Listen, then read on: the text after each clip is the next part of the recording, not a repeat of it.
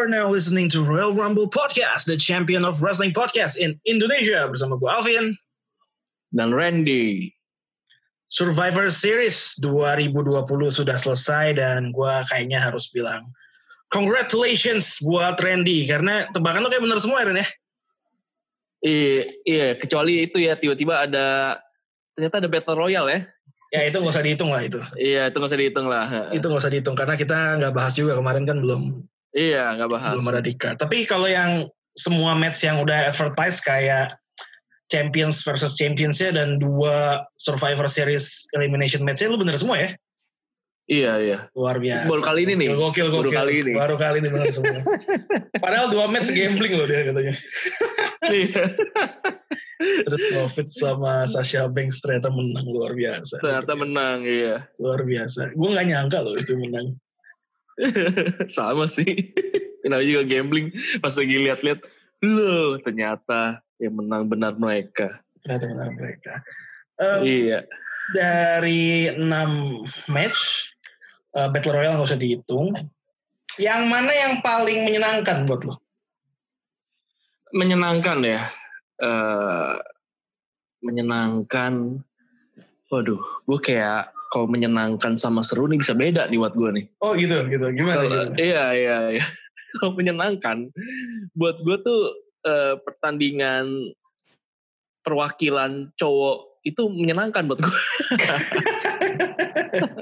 Kenapa? Kenapa? menurut gue, karena tuh unsur unsur konyolnya ada, yang bikin ngakaknya juga ada.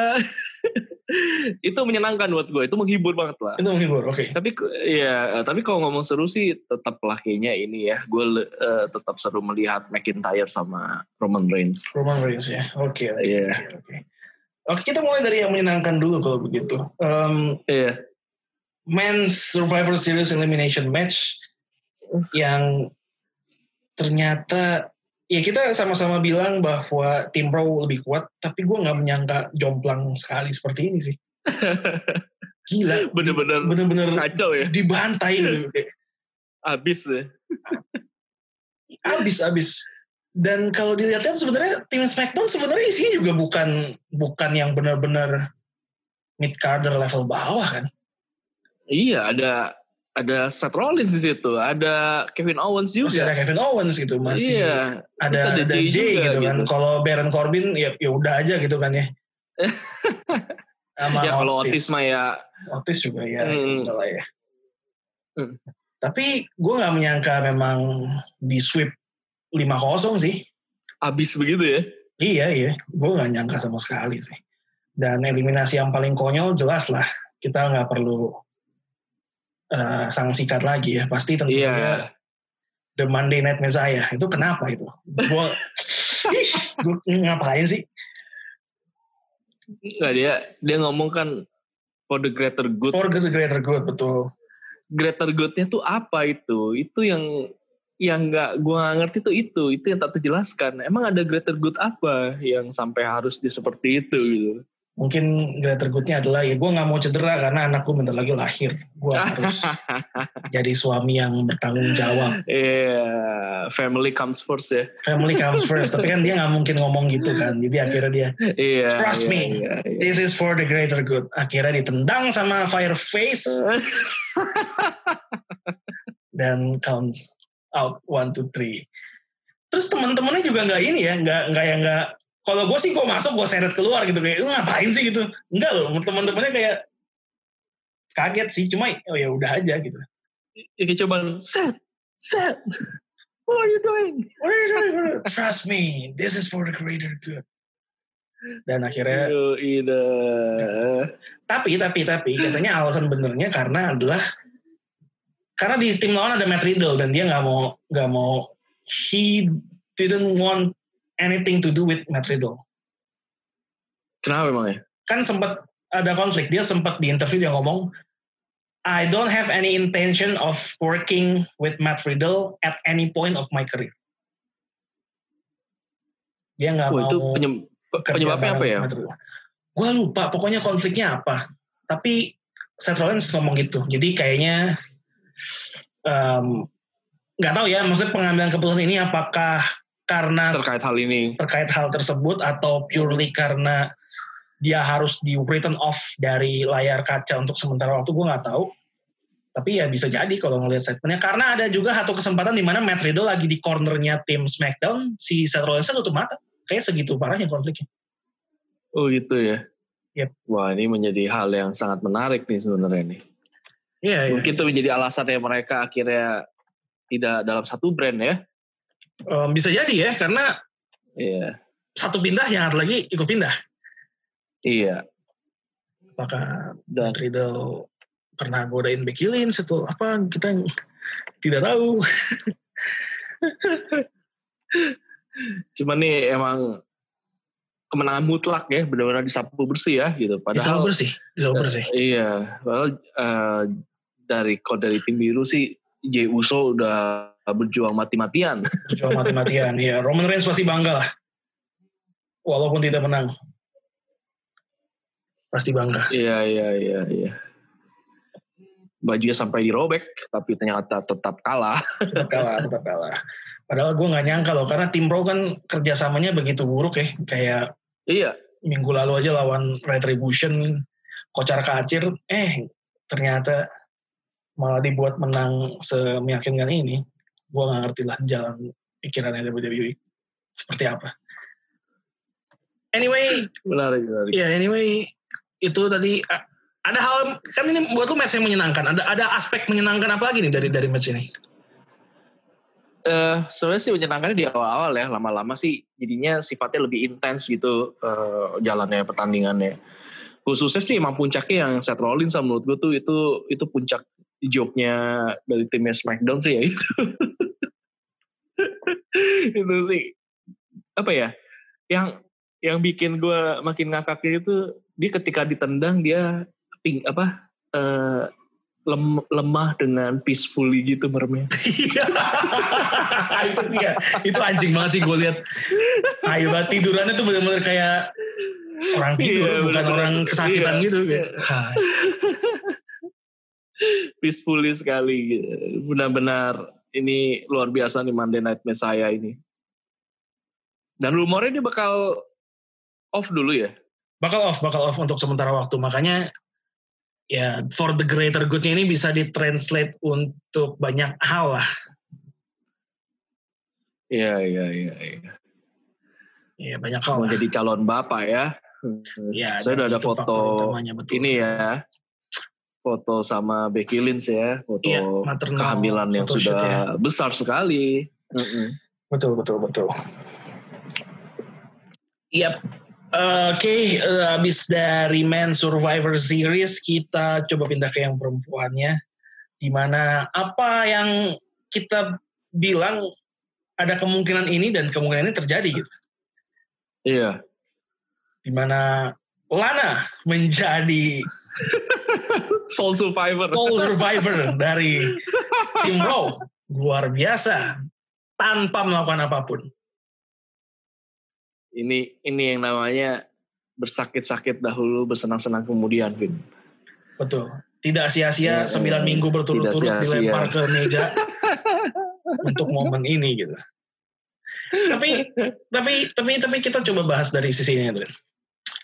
Kalau memang tujuannya adalah untuk membuat Lana sebagai sole survivor, cara WWE membuat Lana sebagai sole survivor ini lu suka atau enggak? Karena practically Lana tidak melakukan apa pun. ya ini seperti apa ya kayak gue kayak kayak pernah meli kayak inget deh sebelumnya tuh ada yang kurang lebih mirip-mirip kayak gini gitu kayak nggak ngapa-ngapain tiba-tiba menang gitu Ya money in the bank gak sih kayak Otis gitu kan. Kalau tahu kopernya jatuh ke dia gitu kan kayak, hah? iya Iya. gitu kan. Eh, tapi menurut gue nggak apa-apa juga sih karena kayak gini sih eh kalau dilihat kan emang kayak kesannya ya kesannya tuh eh Lana tuh kayak kayak dijauhin lah gitu. Kayak apa sih istilah sih apa? Dibully, Apa, dibully. Gua- iya dibully lah gitu loh. Kayak kayak nggak dianggap lah. Dia masuk tapi kayak ya ya udahlah lu eh Anak bawah. ada tak ada iya. Somehow kayak kalau yang dia benar-benar diperlakukan tidak adil tapi dia menang kayak gini sih secara secara story ya menurut gue sih itu masih menarik gitu. Masih seru-seru aja. Tapi emang yang uniknya adalah ya ya ini Lana gitu. Ya dapatnya pas Lana gitu. Kalau kalau nggak tahu deh kalau misalkan di kalau misalkan kayak di cowoknya kira-kira yang menang siapa gitu ya. Tiba-tiba kayak Marvi gitu tiba-tiba dia menang kali ya gitu. Wah orang kan mungkin wih sesuatu banget nih gitu. Tapi menang dia gitu. Ya nah, ini tapi menurut gue masih masih masih oke okay lah. Kayak kayaknya satu sisi menunjukkan bahwa uh, gue nggak tahu deh ya kan kesannya kan ada yang bilang kalau kalau kalau ada superstar yang mungkin spouse-nya ataupun pasangannya terlibat juga di brand seberang mungkin karirnya juga nggak terlalu gimana. Tapi menurut gue ini kayak semacam pembuktian juga bahwa WI memperhatikan Lana gitu loh. Dia dia menang gitu dan ini menurut gue kesempatan yang bukan sekali aja loh Lana kayak gini dia kan sebelumnya juga pernah menang apa gitu sampai dapat kesempatan jadi uh, the main contendernya untuk untuk uh, championship juga waktu itu jadi gue pikir ya ini justru bisa menjadi hal yang menarik tergantung kita lihat ke depannya gimana. Ya, ya. So far sih gue menikmati aja sih. Ya, um, terkait spouse yang ada di All Elite, um, gak cuma Lana ya uh, kemarin yang dapat spot, uh, Peyton Royce juga dapat spot yang cukup uh, terang gitu karena dia berhasil ngepin Bailey. Bener. Dan itu diangkat oleh sosial medianya WWE jadi jadi sebuah uh, tweet tersendiri menurut gue itu spotlight yang cukup terang sih buat Peyton Royce yang yang setelah pisah dari Billy Kay kayaknya belum terlalu apa-ngapain ya, belum terlalu mentek iya. gitu. Um, masih mem, masih membangun jati diri. Masih membangun jati diri gitu kan, masih nggak jelas ngapain tipis. Kayak dua-duanya Peyton Royce belum ngapa-ngapain, Billy Kay-nya lagi nyebar-nyebar CV kayak ya kenapa nggak bersatu dulu aja kalau anda belum tahu mau ngapa-ngapain setelah berpisah. iya iya iya iya. Ya tapi ngomong-ngomong balik lagi soal Lana, kalau gua ngerasanya uh, karena karena ini terkait sama Raw tadi siang ya, uh, tadi yeah, pagi yeah. maksudnya. Asuka abis itu langsung bilang, oke okay, karena lu Soul Survivornya, gue mau mau memberikan lu sebuah title match gitu kan. Iya. Yeah.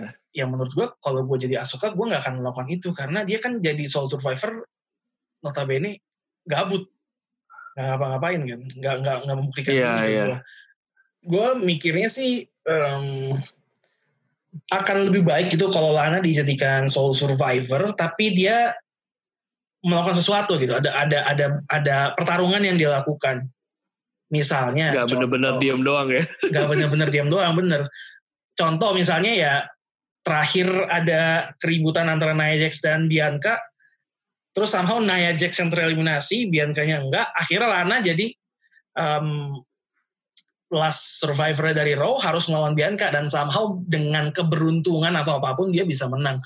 Menurut gua akan lebih baik sih buat buat Lana-nya sendiri. Yeah. Kalau memang tujuan Kesel. WWE adalah mau nge-push Lana ya sebagai seorang yeah. wrestler, menurut gua agak sayang sih lu 9 9 minggu dilempar ke meja akhirnya nggak battle sama sekali gitu. Harusnya ada sedikit lah untuk menunjukkan bahwa kemarin-kemarin tuh gue emang emang dibully aja, tapi gue sebenarnya lumayan bisa kok gitu. Tapi ya udahlah, yeah. nasi sudah menjadi bubur kan. Nah, kalau yang kayak gini ketika akhirnya nanti benar terjadi dia lawan Asuka, menurut lu hasilnya bakal ketebak gak sih? Um, belum tentu juga nih kalau lihat akhir-akhir ini ya. ya satu hal yang gue cukup apresiasi dari WWE akhir-akhir ini lah ya. Um, ya mungkin kualitas matchnya nggak selalu bagus, storyline-nya nggak selalu jelas, tapi hasil akhirnya cukup unpredictable dia. Itu lumayan. Iya iya iya. Lumayan bikin bingung juga ya. lumayan bikin bingung juga, walaupun akan sangat menyedihkan sih buat Asuka kalau yang menghentikan title reign-nya adalah Lana ya. Seorang Lana ya. Seorang Lana dan dan dan gue rasa Ren, gue rasa WWE emang pengen ngepush Lana karena karena timing dirilisnya Chronic, WWE Chronicle episode-nya Lana itu pas banget sebelum Survivor Series. Iya iya iya. Dan iya. isinya kan sedih banget. Gue nggak tahu lu udah lihat atau belum, tapi ada ada interview mana belum yang, lihat, gua belum yang, lihat. yang dia battle with battling with depression selama pandemi. Oh gitu. Kirain yang- depression gara-gara ada cerita dengan Bobby Leslie. Oh mungkin mungkin mungkin itu bagiannya juga ya kayak mungkin dia dibu karena karena storyline itu gue nggak tahu juga. Tapi ceritanya ya Iya, itu iya. se- cukup sedih dia dia nangis nangis di situ dan, dan ya lu abis nonton itu nggak lama Survivor Series kayak susah nggak sih lu buat nggak dukung dia gitu. iya iya. Jadi kayak eh, sudah di dia sudah memenangkan hati publik gitu ya. Sudah kesannya. menangkan hati publik betul.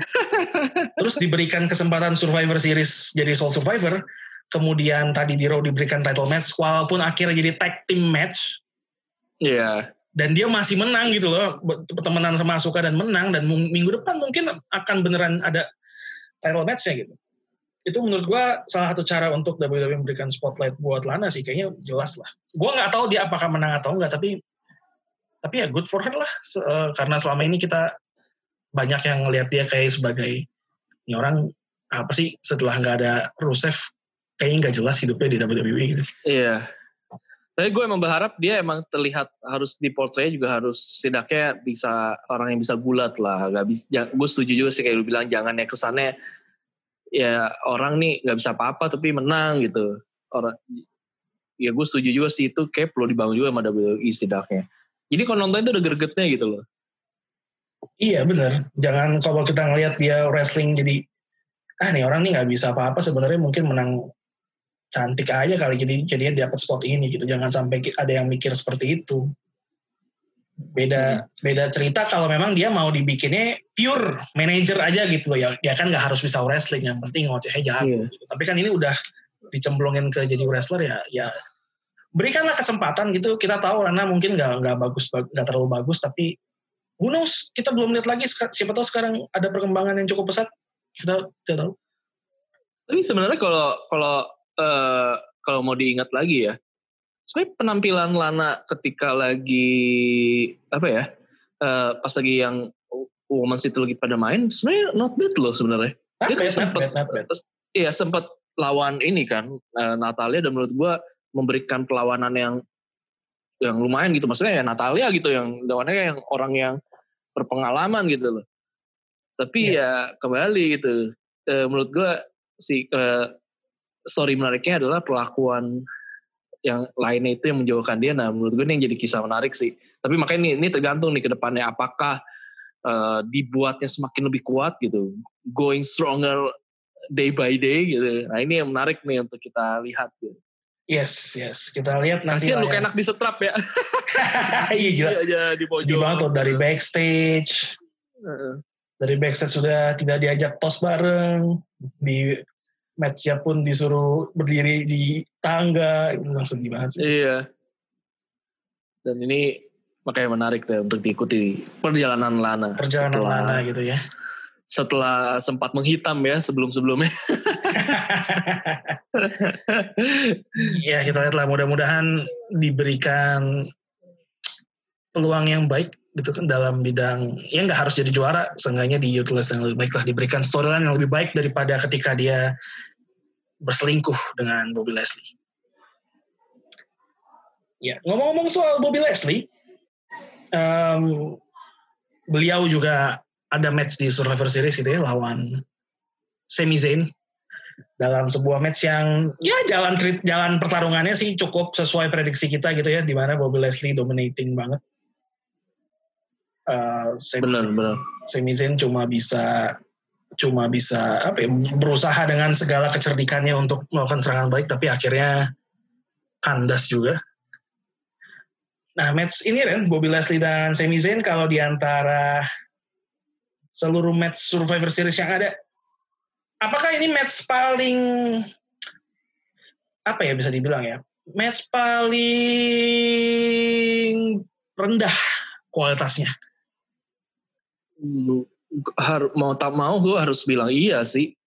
Karena ini per- per- pertama nih gue udah yakin banget ini hasilnya yang menang adalah Bobby Leslie. Kedua itu emang parah banget itu. Sami Zayn tuh dijadikan bulan-bulanan itu. Bener-bener kayak kayak apa ya? Lu bayangin kayak mungkin ibaratnya itu kayak gua gua nggak tahu saat ini ini penggambaran yang tepat atau tidak ya gitu ya. Tapi kayak orang apa kayak orang lagi di kayak apa ya mungkin mungkin kayak gini deh. Bayanginnya adalah ada bayangin ada kucing tapi lagi dibabat abis gitu sama gorila ataupun sama gajah gitu loh di bulan-bulanan gitu dilempar sana kemarinya tuh kayak dilempar apa gitu loh. Iya ya nggak mampu memberikan perlawanan sama sekali sih. Iya gila itu sih. Kayak ya ya udahlah ini tunggu saat aja. Tadi gue sempat pikir kayak gini wah nih terlalu dibantai apakah nanti tiba-tiba Semi Sandy ada ada ya? kejutan? Gitu kan? Tidak ternyata. tidak ternyata. Tidak semua match ada plot twistnya ternyata. Kadang-kadang memang ya unggulan menang tidak ada plot twist apa apa ya udah jalan tol iya. aja lurus. Sampai tujuan. Itu yang terjadi di sini. Iya. Mengenaskan. Mengenaskan. Zen ya. Walaupun kita tahu gitu kan Sami Zayn adalah wrestler yang bagus gitu kenapa sekarang jadi begini ya? Ah itu tuh itu menarik tuh. Kenapa tuh jadi begitu? Iya baik baik dari kemampuan wrestlingnya maupun penampilannya ya. Karena penampilannya benar-benar kayak homeless person aja sih sekarang. Iya iya. Gue ngelihatnya ada kayak mungkin bodybuilder yang lagi frustrasi gitu ngeliat orang homeless ditarik buat buat digebukin aja. Kayak yang kemarin terjadi tuh kurang lebih kayak gitu. Di ring.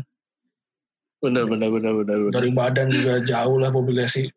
Lebih tinggi lebih gede gitu kan Zayn rambut nggak keurus brewok nggak keurus celana juga celana apa tuh kargo gitu kan yang ini iya, homeless, iya, iya. homeless person banget lah udah bukan wrestler ini bukan wrestler ngakak lah pokoknya lah. Ini hmm. harusnya prihatin ini sama sama prihatin sama si Sami Zayn dia. Ini sih kayak cepat atau lambat sebelum titlenya hilang ya. Intercontinental Championship. Tunggu saat aja. Tunggu Nanti saat, sampai udah ketemu orang yang tepat uh, untuk menggantikannya. Nah, iya. Anti placeholder doang. Uh, Oke, okay. kemudian um, New Day termasuk sayang lah untuk gelar yang menurut gua prestisius tapi dipegang sama Sami Zayn ya mungkin boleh ada baiknya cepat-cepat diganti. Ya, Sami Zayn yang sekarang ya. Oke, okay, next match kita punya uh, The New Day uh, versus The Street Profits yang kali ini dimenangkan oleh Street Profits nih. Uh, matchnya cukup bagus ya, oh, nggak mengecewakan. Seru sih, seru lah, seru. Seru, seru, seru. Seru, seru. Um, sekali. Hype-nya sama tingginya dengan dengan kostum yang digunakan sama New Day ya. Nggak iya, mengecewakan, iya, iya, nggak iya. bikin malu kostumnya lah. Iya, gila, itu keren banget kostumnya gila. Totalitas itu game Niat apa ya? Gue lupa. Ya, Gue lupa dari game apa. Pokoknya featuring New Day waktu itu. Gitu ya. Yes, yeah. di game itu jadi New Day mereka punya karakternya sendiri-sendiri, makanya mereka pakai kostum itu. Menarik ya, itu. Tapi itu seru tuh, itu seru sekali itu. Iya, matchnya seru ya, matchnya seru ya. Iya. ya, untuk kelas itu, mereka inilah yang diharapkan lah. Dan dan ini yang oke-nya adalah mereka biarpun bertandingnya intens, tapi tetap menjaga kerukunan. Betul, betul, betul. Iya. Tidak ada keributan, iya. saling tidak ada keributan. Saling respect selesai pertandingan. Benar. Walaupun sebelum pertandingan suka ada dish-dish kecil yang dilakukan, tapi setelah pertandingan semua kembali normal, baik-baik saja. Iya. Ini harusnya pemilu-pemilu di semua negara demokratis tuh begini. Bener, bener. Mengakui kekalahan kan, Mengakui mengucapkan selamat. Nah, Betul. Ini, ini yang harus kita bisa belajar dari mereka kita bisa belajar dan Amerika Donald Trump Anda juga bisa belajar harusnya dari sini ya dari para teman-teman pegulat kita. Benar, benar, benar, benar. Gue gue nggak tahu apakah gue udah pernah nanya pertanyaan ini atau belum ya ke ke lu. Tapi ya udah karena gue lupa gue tanya lagi aja. Menurut lu apakah Montez Ford adalah pemilik frog splash terbaik di WWE saat ini? Wah ini pertanyaan menarik nih. Dan lu kayak belum emang belum pernah nanyain sih. Belum ya, belum pernah nanya ya? Iya. Karena saat ini ya. iya, karena buat Kalau gue pribadi ini. jawabannya iya, Ren. Iya sih. Dia tuh apa ya? Pertama tinggi lompatnya. Tinggi banget lompatannya itu buat Tinggi banget. Gila sih. Iya. Tinggi banget tapi akurat, men. itu keren banget. Dan, memang, dan memang, bentar, bentar. Memang ada yang tinggi dan gak akurat ya? enggak biasanya ada kok frog splash itu bener-bener jatuhnya tuh nggak bener-bener pas di perut gitu loh. Oh, oke, oke, oke. ya oke, entah oke. nanti ke ke mungkin ada yang ke mukanya atau enggak ke kakinya atau yang nyampe nyampe tangannya doang gitu. ini udah tinggi, bus gitu. Dan lu kalau lu kayak lihat dia ya, lu kayak lagi nonton eh dunk kontes gitu loh. Yes, yes, yes. Lu yes. sempet kayak ngelihat dia tuh lagi nge- ngejam dulu di di di udara gitu. Terus dia nge, ngegerakan frog splash-nya tuh bener-bener gue akuin tuh itu itu eh, perfect lah gitu. Dan jatuhnya tuh manis banget lah. Iya, iya, iya. Itu. Jadi setuju nih, Gua- lu gua setuju nih. Setuju, setuju. Kalau bilang sih untuk saat ini sih ya setuju. Kayaknya mungkin juga diadu sama yang jago-jago frog splash, yang lainnya juga Bisa emang lah. ini bisa Head bisa to head lah. gitu. Comparable lah menurut gue. Iya, iya. Iya, iya, iya. Comparable. Oke menurut sih, oke sih. Mm-mm. Impress sih, impress lah sama, sama sama jumping power dia memang gokil. Dan nggak cuma di frog splash ya. Eh, drop kick-nya dia juga lompatnya tuh tinggi banget. Iya, iya. Nggak Sih, tahu. emang Masa lalunya Ini- dia gitu ya. Apakah dia pernah Iya. latihan jadi pebasket atau apa? Gue nggak tahu ya. Tapi tinggi-tinggi banget lompatannya. tinggi banget, tinggi banget. Itu kalau emang kalau dilihat sih memanjakan mata sih itu. Yes, gila itu the best lah. Itu mantep banget Montesport. Iya. Kayaknya yang lain juga setuju lah. Setuju sih harusnya menurut gue lah. Kalau Anda tidak bisa menikmati frog splash-nya Montesport, mungkin ada baiknya Anda mencari tontonan lain karena yang seperti ini bukan tontonan untuk Anda. Cari yang lain saja seperti itu. Itu artistik banget itu lah. Itu kalau meminjam salah satu movesetnya Jeff Hardy itu namanya poetry in motion. Beuh, bener-bener ini ya. eh itu udah seninya dapet banget deh. Betul sekali. Sampai Gerakannya itu menuturkan sebuah karya seni yang luar biasa. benar, benar, benar. Montesport luar biasa. Setuju. Gila, Street Profits uh, gokil uh, menang dan kalau New Day sudah punya penantangnya dalam dalam so- wujud hard business, hal yang sama kita nggak tahu untuk Street Profits siapa yang mau nantang mereka. Ya kita tunggu aja. Mudah-mudahan jangan sampai momentum mereka udah udah menang lawan New Day loh. New Day adalah uh, Tag team yang Megang gelar tag muda. team. Heeh. paling panjang, paling lama sepanjang sejarah mereka bisa kalahin. Jangan sampai abis ini karena nggak punya lawan turun lagi momentumnya sayang banget. Iya nanti kayak pas lagi sama Viking Riders lagi. Aduh. Ngomong-ngomong Viking Iya. Raiders tuh di draft ke mana ya? Nah itu tuh. Kemarin Ke mana mereka? sih ke draft kok gue nggak inget ya ada mereka ya. Ada kali mungkin di Raw kali kali ya. Viking Atau ikut pindah ke SmackDown. Aduh jangan dah mendingan Kita gantian. cek kita cek. Oh kita kita lihat. Di Apa Raw kita sekarang, apa di Raw sekarang. di Raw kan. eh, Oh, they are currently on hiatus due to Ivar suffering a neck injury. Jadi Ivar lagi cedera leher. Wah semoga cepat sembuh tuh leher kan rawan Bahaya banget ya. ya. Iya, iya, iya. Leher Mm-mm. leher bahaya, bahaya. Ya, semoga cepat sembuh. Ivar yang nama aslinya ternyata Todd Smith.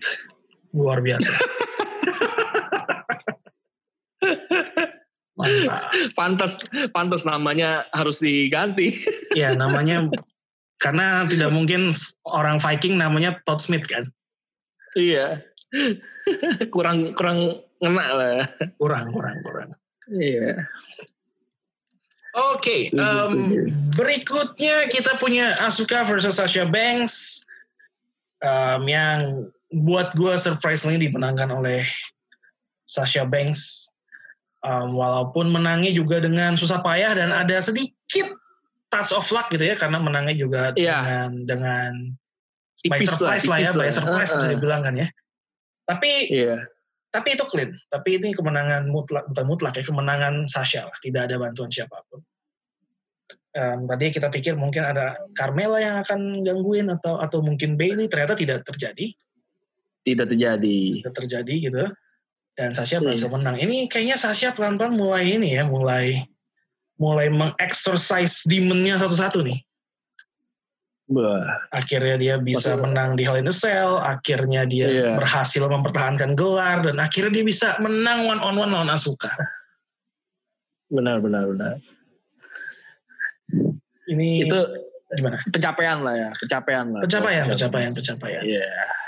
Ini dengan kemenangan ini, Neren, apakah ini berarti Sasha sudah membuktikan diri bahwa saat ini dengan para superstar perempuan yang lagi aktif sekarang, apakah she is the best female wrestler on the roster?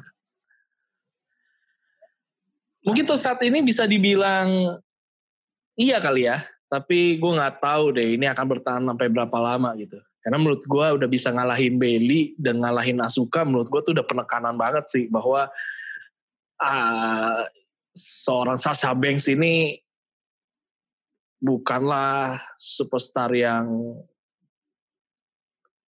rendahan ataupun tengah gitu, tapi emang atas gitu. loh. Ini udah penanda banget sih menurut gue. Em, kita juga nggak tahu kan Becky Lynch kapan bisa kembali, eh, Charlotte kapan kembali kita nggak tahu. Gue rasa dengan dengan roster yang ada sekarang kalau dibilang siapa the best female wrestler on the main roster, kayaknya gue bisa bilang Sasha Banks karena Asukanya sekarang Iya. juga ya lagi nggak jelas ya ngapain juga Asukanya nggak punya lawan yang yang sepadan juga buat Asuka. Tapi- Jadi gue rasa kalau ditanya yang terbaik ya Sasha Banks. Iya. Mungkin dia udah ini latihan sama ini kan kaum Mandalorian jadinya. Makin jago dia Sarah. Tapi gue heran ya WWE kok nggak nggak terlalu ini ya untuk untuk untuk nge-hype si Sasha di The Mandalorian ya. Eh, tapi sempat ini sih dia eh, bikin ada postingan Instagram dari WWE ngasih unjuk Sasha Banks main di Mandalorian. Dan Hmm. itu sebenarnya menjelang-menjelang mau Survivor Series juga kok keluarnya. ya, ya, ya. Ya tapi Iya, cuma satu sih. satu fit itu aja. Satu Iya fit ada sih aja. ada memang cuma kayaknya nggak terlalu gencar gitu. Apakah karena The Mandalorian bukan produksi WWE? Gue nggak tahu sih. Oh iya, bisa jadi dan dan emang porsinya kan bukannya ini ya. Bukannya pemain yang utama juga gitu. Iya, Cuma iya, selingan iya. di satu episode gitu. Ya, tapi eh nggak tahu lu udah nonton? Udah, udah, udah. Udah udah. Gimana Akhirnya gimana gimana gimana? Sasha di sana gimana? Jadi jadi apa? Eh, Apakah ada dialognya? Apakah diam seperti Mateo? Gue nggak gimana? Nah. Setidaknya lebih berguna Sasha Banks lah dibanding Matteo di, di Hobbs and Show. Ngapain? Iya. dia, ngapain? Dia tuh jadi salah satu kayak salah satu anggota dari Mandalorian di satu tempat gitu lah. Jadi kan pemeran utamanya dia lagi mau cari tempat mau ketemu Jedi buat bawa si The Child ini yang orang bilang si Baby Yoda. Oh, nah oke. jadi dia bilang eh, banyak yang bilang lu kalau mau tahu tempat para Jedi untuk bisa bawa anak ini lu mesti ketemu eh, Mandalorian di tempat ini dia kayak dia bakal tahu tempatnya di mana. Nah jadi ketika dia ke sana dia ketemu, nah ini Mandalorian salah satunya anggotanya ada si, si Sasha Banks ini gitu loh. Oh, Dan dia ini loh, menurut gue oke loh. Eh, Conversation ada, ngomong iya. Jatah, jatah, jatah kena shootnya tuh banyak gitu. Dan dia tuh ada aksi berantemnya juga gitu. Dan menurut gue sih ini gue gue memberi kredit ke kepada Sasha Banks maksudnya bahwa nih orang nih bisa nih main film nih. Buat main film-film aksi kayaknya nanti suatu saat mungkin bisa lah dia nanti terlibat kembali gitu. Karena menurut gue terbukti sih di sini. Kalau lu nonton Roman Reigns sebagai Matteo, lu akan melihat dia sebagai orang, oh iya ini orang bisa berantem gitu, lu bisa dapet gitu. Tapi buat dia main filmnya, lu mungkin masih bertanya-tanya gitu. Karena dia ngomong aja kagak, cuma tua doang. Tapi ini gak terjadi gitu sama di Sasha Banks sih. Dan ini menurut gue langkah, eh, suatu langkah bagus sih buat Sasha Banks di dunia entertainment ya. Moga-moga kalau emang bah, orang juga banyak suka ngeliatnya, nanti ada beberapa film mendatang nanti buat Sasha Banks lagi.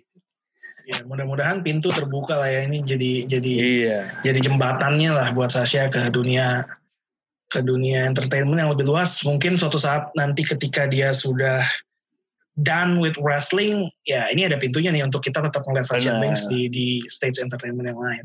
Iya. Tapi di sana dia Becky Lynch juga ini ya, Becky Lynch ya? tapi baru cuman baru ngomong doang tapi ya di di toko film animasi gitu. ya. Becky Lynch iya, Iya. cuma gue denger-denger dia juga ada nextnya, kok nggak salah bakal main film Becky Lynch, cuma gue lupa film apa. Kayaknya lumayan dari franchise yang lumayan juga sih sebenarnya. Wah, Tapi gue menarik. lupa apa. Menarik. Menarik. Nah, tapi Sasha Banks di, di Mandalorian apakah berasa image Sasha Banks Ren atau atau jadi orang yang lain lagi? Kalau Roman karena outfit outfitnya kalau outfitnya karena outfitnya berbeda banget, lu bisa ngerasa dia jadi orang yang beda sih. Walaupun Ah, oke. somehow uh, ada beberapa uh, pas di bagian tertentu dia ada ngikat rambutnya di kepang-kepang kayak gitu, gue ngerasa wah ini ini ini Sasha. Banks banget nih. Iya, tapi tapi outfitnya bener-bener beda sih. Jadi lu kayak nggak berasa dia emang seorang Sasha Banks sih. Beda lah sama kok kayak Matteo kan dia ketika lagi berantem buka baju gua kan wih gila. Yang Ya, sekarang Matteo banget mah- gitu. Mateo mah Ah. jangan ditanya lah ya orang dari Uwa, dari Spear, Iya. dari ya itu mah. Ini sih kita nggak lagi nonton Mateo ya ini kita nggak bilang Iya, untuk iya. Mateo kita taunya nih Roman Reigns pasti kalau dia nggak dibilang. Roman Reigns ya. Kita aja tau Matteo itu karena title credit aja. Karena Title kita. Kalau kita nggak tahu dia tuh namanya Matteo. Bahkan Ya. beberapa orang tahu dia Matteo tuh dari iklan gitu loh. Dari Iya iklan. dari dari talk show dari dari ya. promo-promonya gitu kan. Iya. Ikut promoin film tapi nggak ada dialognya tuh gimana ya? Gue agak kok agak-agak kok dikasih gitu loh. Lu ngapain datang ke talk show ini gitu peran lu tuh nggak signifikan. Nah, nah itu makanya Win, gue yang bingungnya itu. Itu sebenarnya bisa dibilang pencapaian atau enggak, bingung gue jadi. Satu sisi kok nggak signifikan itu, tapi kok berpengaruh itu ke sana gitu. Iya, Nah, itu iya, gue iya. juga bingung tuh. Nih orang jadinya hebat atau enggak ya? Pokoknya beda lah. Iya, Sasha iya. Banks eh, menurut gue eh, oke lah. Oke. Oke banget. Oke, oke lah, Iya. oke lah. Gila, selain sukses di dunia wrestling juga sukses di dunia layar apa? Kalau kalau Netflix tuh dibilangnya apa? Layar apa? Layar perak? Iya layar apa ya? kayak layar apa? Layar apa nih? Bingung nih sekarang. Istilahnya apa? layar layar laptop anda, layar HP Layar laptop, anda, layar layar, HP Anda, ya. Pokoknya di layar mana pun yang Anda tonton nih pencapaian juga dari Sasha Banks. Mudah-mudahan eh, bisa memikat hati dari para penonton dan juga eh, para produser film. Dan oke terakhir match yang dibilang sama Randy paling seru buat ya di Survivor Series kali ini.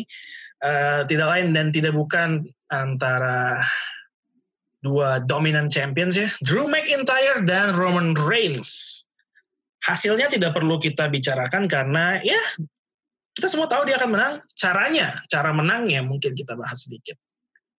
Apakah lu senang dengan endingnya?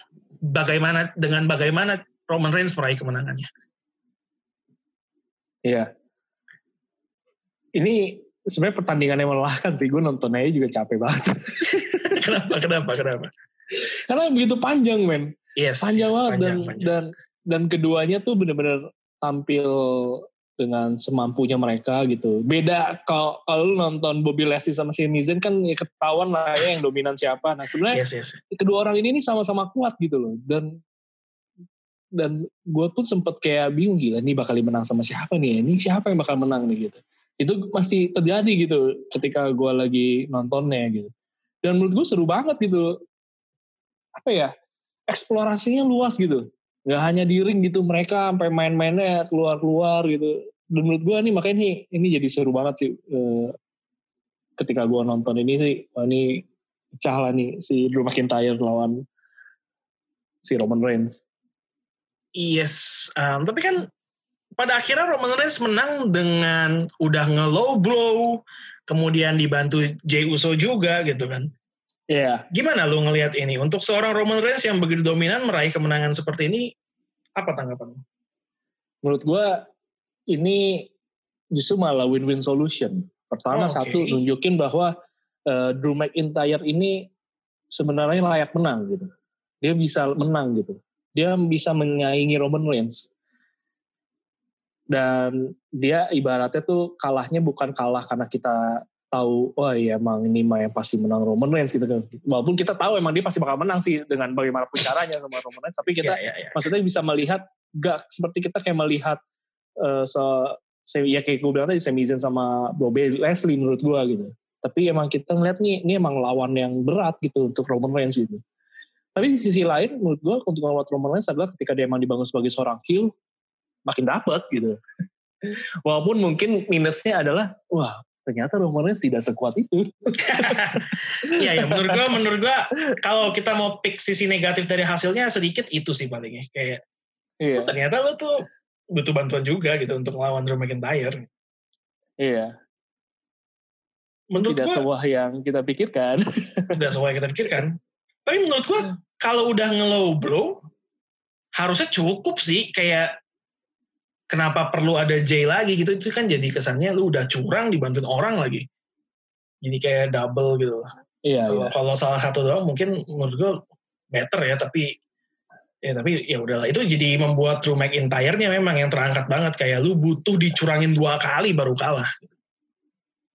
iya iya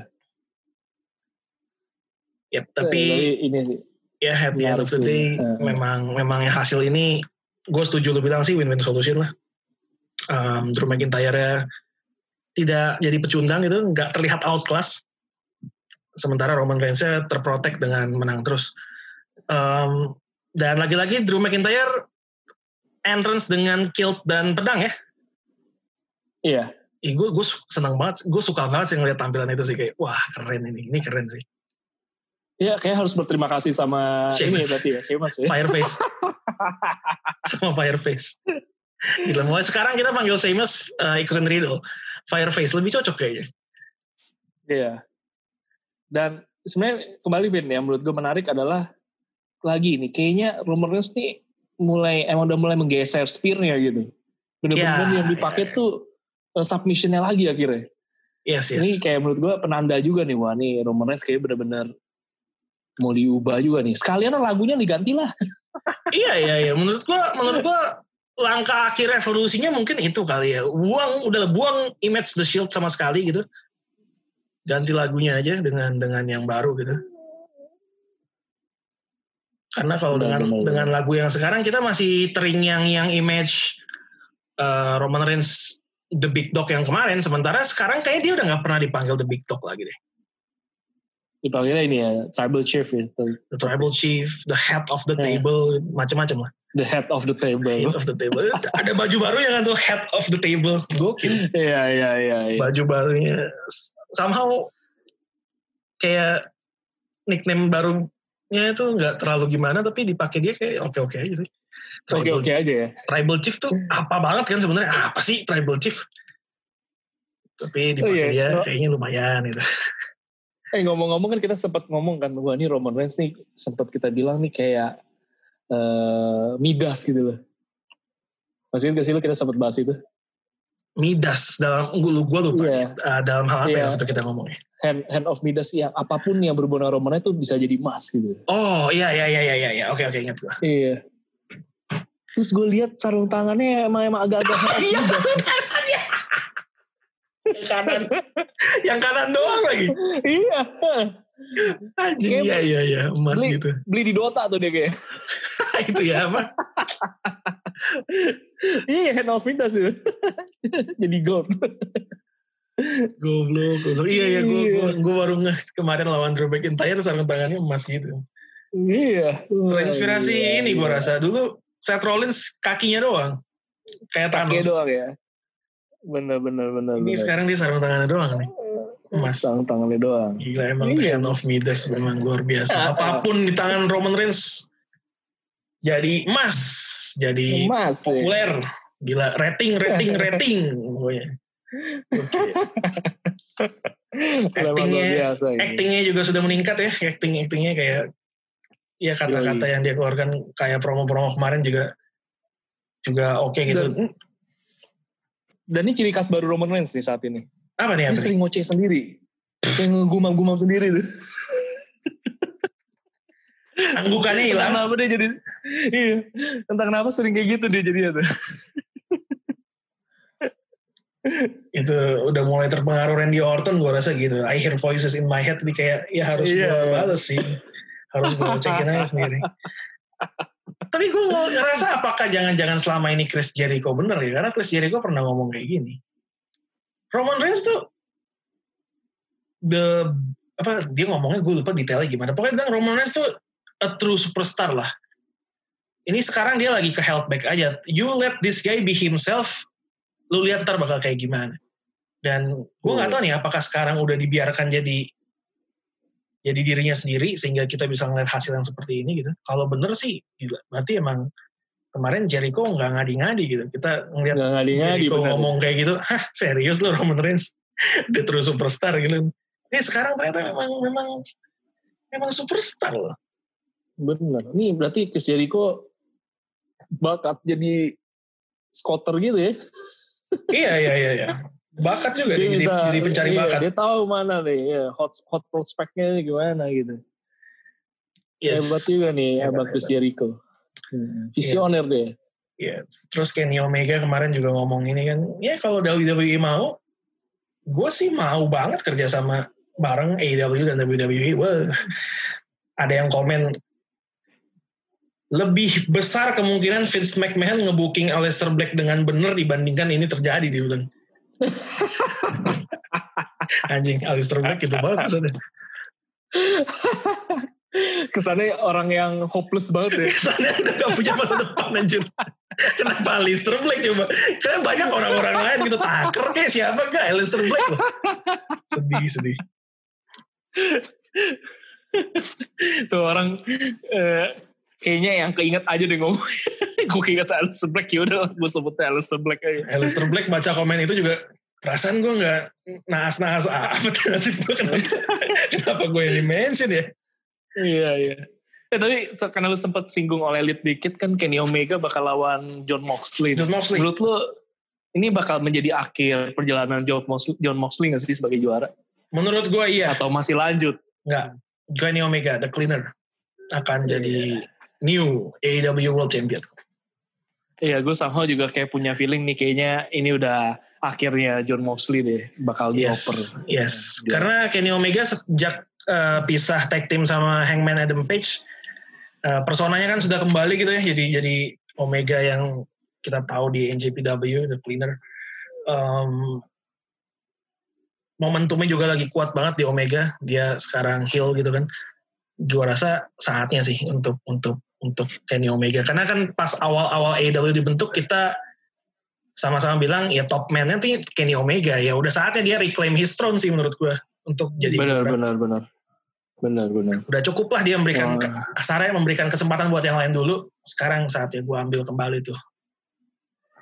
Benar, benar. Dan ini ini bakal seru sih menurut gue.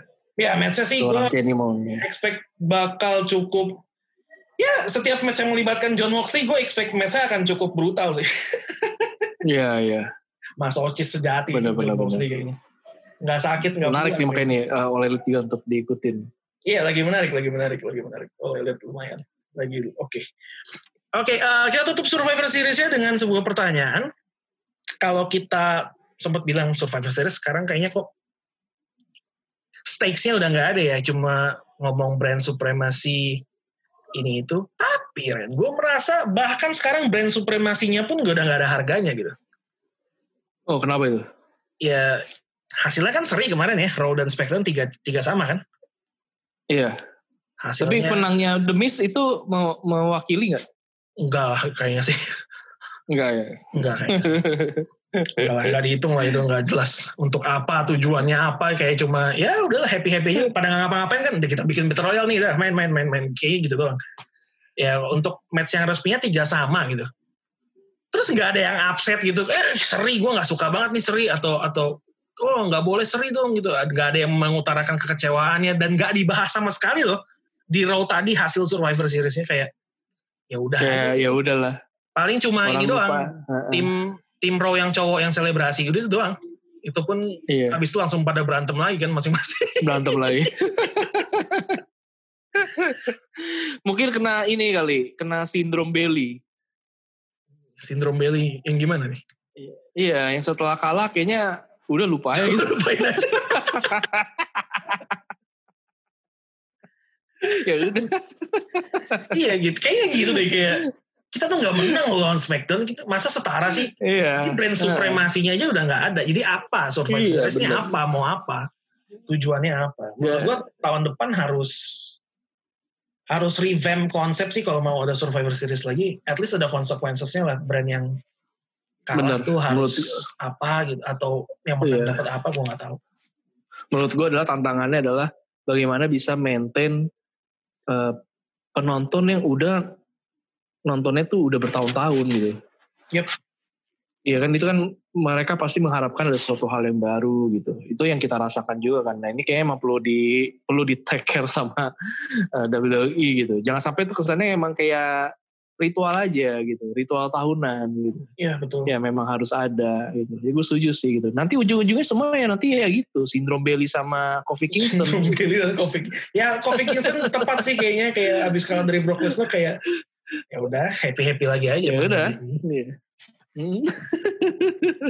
tahun lalu bahkan menurutku tahun lalu Survivor Series-nya masih lebih em, berarti sesuatu gitu karena tahun lalu tuh ada NXT ada kekuatan baru gitu yang ingin membuktikan diri dan tim Raw kat- eh, waktu itu pas kalah juga kayaknya berarti sesuatu Seth Rollins kan langsung jadi gila kan gara-gara kalah kan Iya, iya. Karena Dan dia setahun kemudian tetap gila.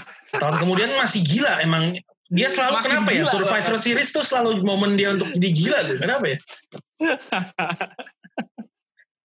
ada-ada aja nih orang gila betapa satu tahun waktu mengubah manusia ya Iya, dan gua, dan dia tuh gue gak nyangka selemah itu, Vin. Lu bayangin aja. Seth Rollins tuh sidaknya tuh gemparnya tuh kalahnya tuh ya kena F5 gitu kan, kena Sister Abigail gitu kan. Ditendang gitu. ditendang Sheamus ditendang Fireface Iya. goler golernya nggak gerak gitu loh Ren yang tutup mata Iya, kayak rest in peace gitu Iya. ya udah iya. Kayak meninggal dengan tenang gitu. Kayak benar-benar siap gitu. Ya gue pengen meninggalkan dunia ini. Ini orang ini orang yang kena F5 berapa waktu itu? Dua kali apa tiga kali dan masih belum kalah loh. Ini kena tendang sekali kayak. Iya, kalau gitu mah gak usah ditendang udah Udah. dipin aja langsung emang pengen kalah kan si kampret ini kan? Iya. Entah untuk siapa pengorbanannya, kita tidak Nah, tahu. siapa pengorban ya itu hanya dia lah dia dan Tuhan. Oh enggak. Dia kan Tuhan ya jadi ya dia yang tahu. Iya, dia yang tahu. dia yang sendiri. tahu. Dia yang tahu oke eh, beberapa hal di luar Survivor Series yang menarik adalah eh, minggu lalu persis sekali minggu lalu kita bilang kita rekaman waktu hari Rabu gue inget banget kita bilang Undisputed Era ke mana ya? Kok nggak muncul-muncul? Eh besokannya episode belum naik belum diedit dateng. Ini udah kesekian Lengkap. kali. Lengkap lengkap, lengkap plus mah berantem berantem. ini udah kesekian kalinya kita ngomong ini ke mana ya kok nggak muncul muncul tahu bla bla bla bla eh besokannya persis besokannya langsung langsung datang kayaknya kita disadap Ren iya, ini bangke nih sejak Riddle nih. sejak Riddle kayaknya iya, datang banget. Tiba-tiba nongol. anjing emang iya. lengkap dan langsung War. Games Heeh. ini ini wo- kata-kata War Games dari William Regal tuh udah statusnya udah legendary I- kan Iya, ikonik banget itu. iconic banget War, Games Wih, udah kayak udah kayak ini udah kayak apa ya yang yang iconic iconic lainnya you just made the listnya Jericho atau Iya, iya. dan lain-lain Benar, benar, benar. sampai Itu sampai sempet begging begging sempet dibikin kompilasi loh. iya iya tai banget dibikin kompilasi anjing Hebatnya ini William Regal. William Regal Dan dari kompilasi itu yang menarik adalah makin belakang videonya rambut Regal tuh makin putih. Makin putih. Makin putih. makin putih makin panjang. William Regal. War Games, mantap. Uh, terakhir, kita kemarin mendapatkan perpisahan yang kesekian kalinya dari The Undertaker. Gak tahu nih kali ini beneran atau enggak. Apakah dia benar-benar tidak akan wrestling lagi atau kalau ketika show Saudi Arabia kembali apakah dia akan kembali kita nggak tahu. Tapi ini emang ngakak sih ini. Ya, tapi kalau memang benar ini terakhir benar-benar farewell terakhir ada Undertaker, agak disayangkan sih karena tidak ada live crowdnya. Iya benar, benar. Sangat disayangkan. Ya kita asumsikan saja ini benar-benar terakhir kalinya kita melihat Undertaker di ring wrestling itu sebagai dirinya sendiri, eh, sebagai Undertaker maksudnya. Menurut lu Ren, apa yang membuat Undertaker begitu legendaris di mata para pecinta wrestling sih dari sekian banyak aspek aspek apa yang paling legendaris buat lu? Mungkin emang gimmicknya menurut gue tuh ngekas banget ya.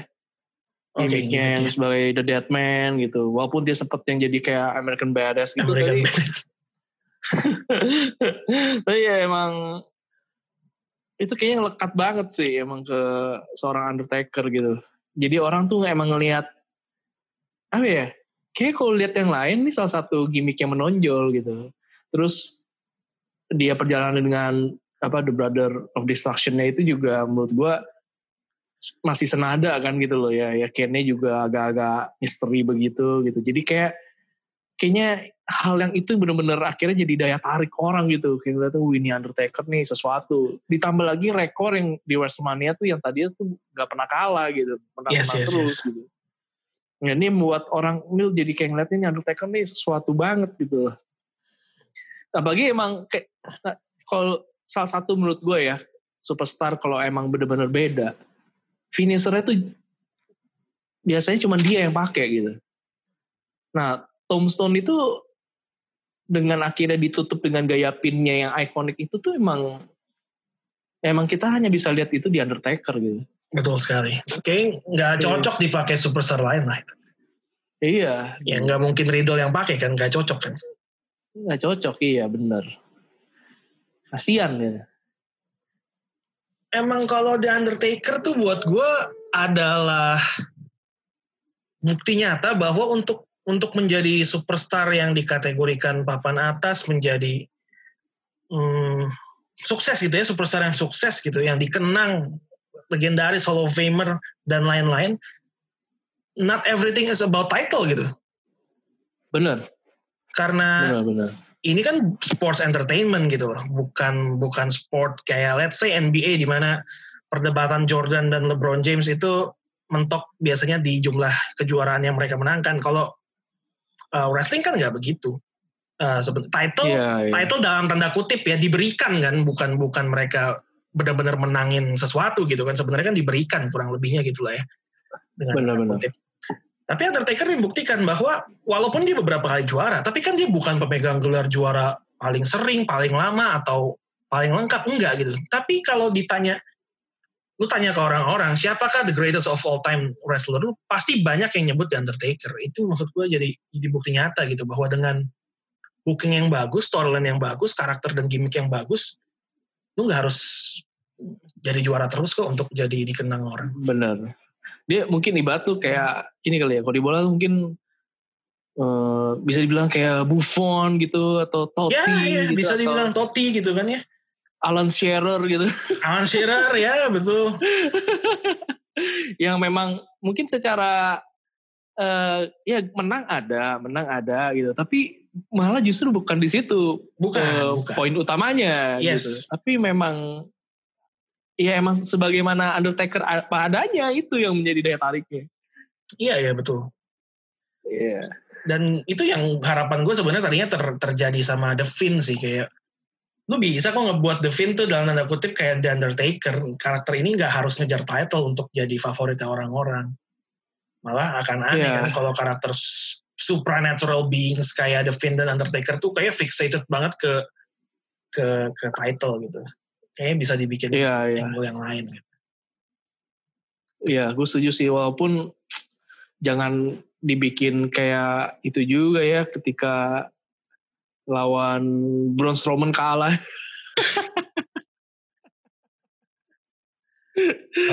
Itu sih agak-agak agak-agak melukai eh, perasaan penonton yang punya harapan tinggi terhadap Finn. Braun Strowman apa Goldberg? Eh Goldberg ya, ini kalian mau Goldberg bener-bener. Bener-bener bener-bener bener. Dia lemahnya sama Spear. Lemahnya sama Spear. Betul sekali. lemahnya sama Makanya Spear. makanya tolong sebisa mungkin dijauhkan dari bapak yang satu itu ya. Iya. Nanti iya, belakangan-belakangan aja lah diketemuinnya lah. Iya. Emang Undertaker lah ini ya eh, legend ya kita Legend, setuju. legend bahkan bahkan bahkan sampai dia pensiun pun sampai sekarang nggak kelar-kelar. ya, kayak kita udah farewell taker dari tahun lalu kayaknya ya. Kayak tapi kok iya. ada lagi ada lagi nih orang gimana? Gua gua gua emang gua emang curiganya begini nih. Kayaknya WWE ingin ngomong. Kayak mungkin Undertaker udah mau pensiun kan dia ngajuin gua udah kayaknya udah saatnya udahan deh gitu. Tapi lu masih bisa gitu. Banyak orang suka lu, banyak orang masih menonton lu. Tapi kayaknya gue emang harus udahan.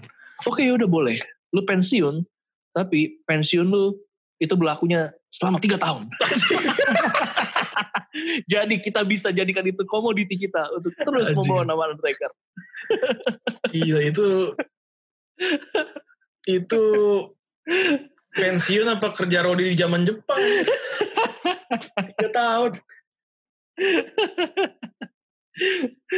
Labelnya aja pensiun. Seleb apa ininya tiga tahun. Iya panjang loh. Ada ada ada dokumentarinya berapa episode. Ada episode-episode Bener, iya. apanya, ada penampilan-penampilannya sampai sekarang nih di abis Survivor Series Farewell Taker. Jangan kelar-kelar gila sih emang. Itu yang pas dia kalah sama Roman Reigns. Itu juga itu sih juga bangsat sih emang. Itu udah pada Iya. sedih anjing. iya. Itu Kurang- juga. Itu sebenarnya menurut gue udah momen paling gokil sebenarnya udah paling tepat gitu loh. Dia udah naro jaket sama topi Udah udah naro, iya. udah udah, udah lah. Udah naro itu. Udah naro. Udah dilipat rapi. Tau nggak ini salah siapa? Tau nggak ada salah siapa? Ren? Siapa siapa? Salah John Cena tahun depan kan dia manggil-manggil. dia nggak punya lawan kan, terus dia panggil-panggil Undertaker, nongol beneran kan? Nongol beneran Undertaker jadinya. Cena. beneran. Habis Iya. Undertaker nongol dia yang hilang. Dia yang gila. Bangsat emang. nih, Aduh. Kata Undertakernya bangsat dia hilang gue yang dipanggil kemarin belum kelar-kelar nih gue dua Iya. tahun kemudian masih di sini gitu. Nah, iya. Gara-gara dia nih, sekali gue muncul, akhirnya ke Arab kan gue main. Nah, Hampir hampir nyelakain opa-opa yang lain.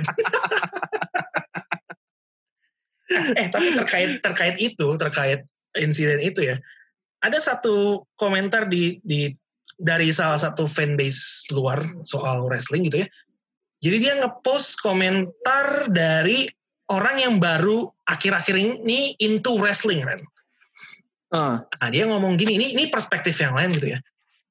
Ya kalau buat gue yang baru ngikutin wrestling sih, ya gue nggak terlalu ini sama Undertaker gitu, karena gue ngeliat dia akhir-akhir ini yang udah di masa senjanya, kenangannya juga matchnya nggak ada yang gitu bagus. Gue cuma ngeliat dia sebagai wrestler yang yang stamina-nya kurang gitu, dan kenangan paling buruknya tentu ya di di show lawan Goldberg tersebut gitu. Jadi ada juga buat orang-orang yang baru gitu ya kita harus sadari bahwa buat mereka ya Undertaker bukan dalam kutip bukan siapa-siapa ya. iya, Cuma iya. relik masa lalu aja gitu. Mungkin karena kayak ya sama lah dari semua olahraga gitu kan buat kita yang nggak pernah nonton Maradona main kayak ah Maradona mah gak ada apa-apanya dibanding Iya. Messi kan gitu kurang lebih kali ya. Sama mungkin kayak orang yang baru demen Liga Inggris kayak bingung gitu. Emang Leeds United semegah itu ya? Ah iya iya iya. Apa sih tim promosi kok kayak diagung-agungkan banget. Wait, Iya. Anda belum tahu ngelihat Leeds United di masa jayanya Anda. Mark Viduka, Harry Kewell, wes Anda belum lihat itu.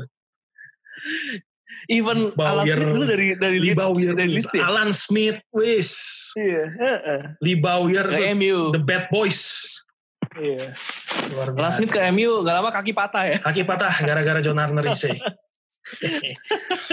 ya terakhir kalau buat gue di Undertaker itu menurut gue kalau di Indonesia itu counterpart itu Haji Bolot menurut gue. Oh, Haji Bolot. Haji Bolot. Iya, iya, menarik nih. Yang baru uh, jatuh gara-gara si Odading itu ya. Oh enggak, itu Mali Tongtong.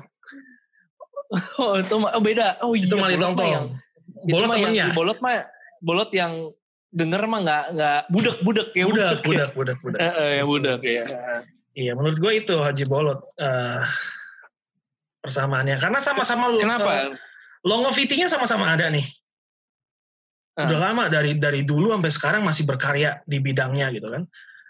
Terus gimmicknya, gimmicknya tuh one and only, nggak ada lagi yang pakai.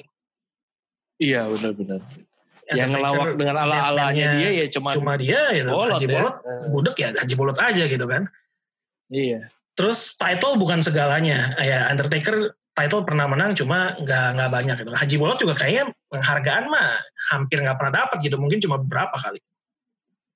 Tapi dikenang sama orang karena ya karena ya prestasinya bukan prestasinya ya apa karena dengan keunikan dan uh, kerja kerasnya gitu orang bisa ingat sama dia dan mungkin underappreciated sama generasi yang lebih muda karena mereka Ya, mungkin ya, ngelihatnya udah di masa-masa senjanya. Jadi buat gua Undertaker ya Haji Bolot. Iya. Undertaker sudah naik haji. Undertaker. Haji Undertaker. Sama ada satu yang ini kan Undertaker nama aslinya Mark, Mark Calloway kan. Iya. Mark Calloway terus dia bilang, telah ditemukan pria bernama Mark Calloway. Terakhir dilihat 30 tahun lalu dan dikira sudah mati. Sekarang kembali muncul. Tadinya dikira dead ini, sekarang udah muncul. Keren juga ini. 30 tahun loh. 30 tahun dikira mati dia. Iya. Heeh. Berarti orang emang taunya dia sebagai Undertaker ya sampai eh ya seorang Mark Calloway aja baru dibilang hidup lagi setelah sekian lama gitu. Iya, dan bahkan farewell-nya dia tuh masih in karakter loh. Iya, iya, iya. Kemarin momen terakhir dia nggak break karakter, masih dalam K-Vape-nya, masih sebagai The Undertaker gitu. Bahkan dia ngomong aja, My time has come to let The Undertaker rest in peace. Masih in karakter, Iya. sangat berdedikasi. Dia doang, dia doang kayaknya ya. Gue nggak tahu ya. Ini ini bisa jadi ket- ketidaktahuan gue doang. Kayaknya yang pensiun tuh sampai dibikin eh, beberapa episode gitu kan. Dia ya, dia doang kayaknya. Iya, iya, iya. Gitu. Memang Dan- selegendaris itu dan sebutuh uang itu ya WWE. ya. Dan masih sempet loh main film sama AJ Styles. Iya, iya, iya. Itu match terakhirnya loh gila. AJ Styles luar biasa. Iya. Ini sebuah kehormatan Iya. harusnya buat Anda, Bang. iya bener. Pokoknya nih yang kemarin tuh yang kostum Halloween kemarin tuh AJ Styles tuh bangke banget deh ngikut-ngikutin gayanya si Undertaker tuh ya cocok juga sih. Tapi Iya, mentang-mentang kemarin, gitu. mentang-mentang pas di Iya. match itu ada American Badass ya. iya. Ah, oh satu satu satu satu hal yang yang pengen gue katakan soal perbandingan Undertaker sama Haji Bolot kemarin. Eh tadi. Nah. Ya Haji Bolot nggak pernah jadi Indonesian Badass itu doang. Undertaker kan sempat berubah dikit nih, Haji Bolot enggak sih. Haji Bolot kayak gitu iya, aja. udah. Tetap lah, dia tetap ya. Nggak pernah coba-coba jadi berubah gimmick, nggak. Nggak, gitu aja udah. Iya. Kalau Haji Bolot. Oh, Tapi AJ Styles gak, itu boleh juga kali sekali-kali munculnya tampilannya kayak gitu. Enggak lah, udahlah, enggak, udah ada. AJ Styles nggak cocok lah. Kayak, kayak ya, dibilang nggak cocok sih nggak juga gitu ya. Tapi dibilang suruh tampil kayak gitu, mending jangan sih. Semakin ejok ya. Semakin ejok dia kayak tadi aja menang sama Randy Orton kayak gue, wah menang loh dia gitu. udah, gue udah udah nggak expect dia menang gitu karena ngelihat dia yang sekarang, tapi menang ternyata. Iya. Iya, walaupun gara-gara ada distraction dari The Finn ya. Iya, walaupun ada distraction sama Hmm. ini, ini, ini berarti kayaknya Randy Orton mungkin udah kali ya sama Drew McIntyre ya. Dia mungkin akan sama The Finn kali ya. Iya, iya. Ternyata yang diincar sama The Finn tuh selama ini bukan title. Tapi Randy Ortonnya. Randy Orton.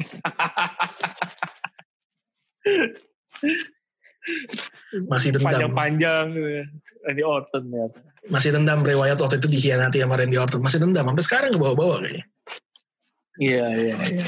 Ya, ya. Oke, oke. Sudah satu jam lebih, hampir satu setengah jam kita di episode ini membahas Bapak Haji Bolot. kalau begitu kita akhiri episode ini. Kita nantikan nanti ada apa lagi yang kita bilang yang dilakukan sebaliknya sama WWE ya, karena itu sering sekali terjadi ya.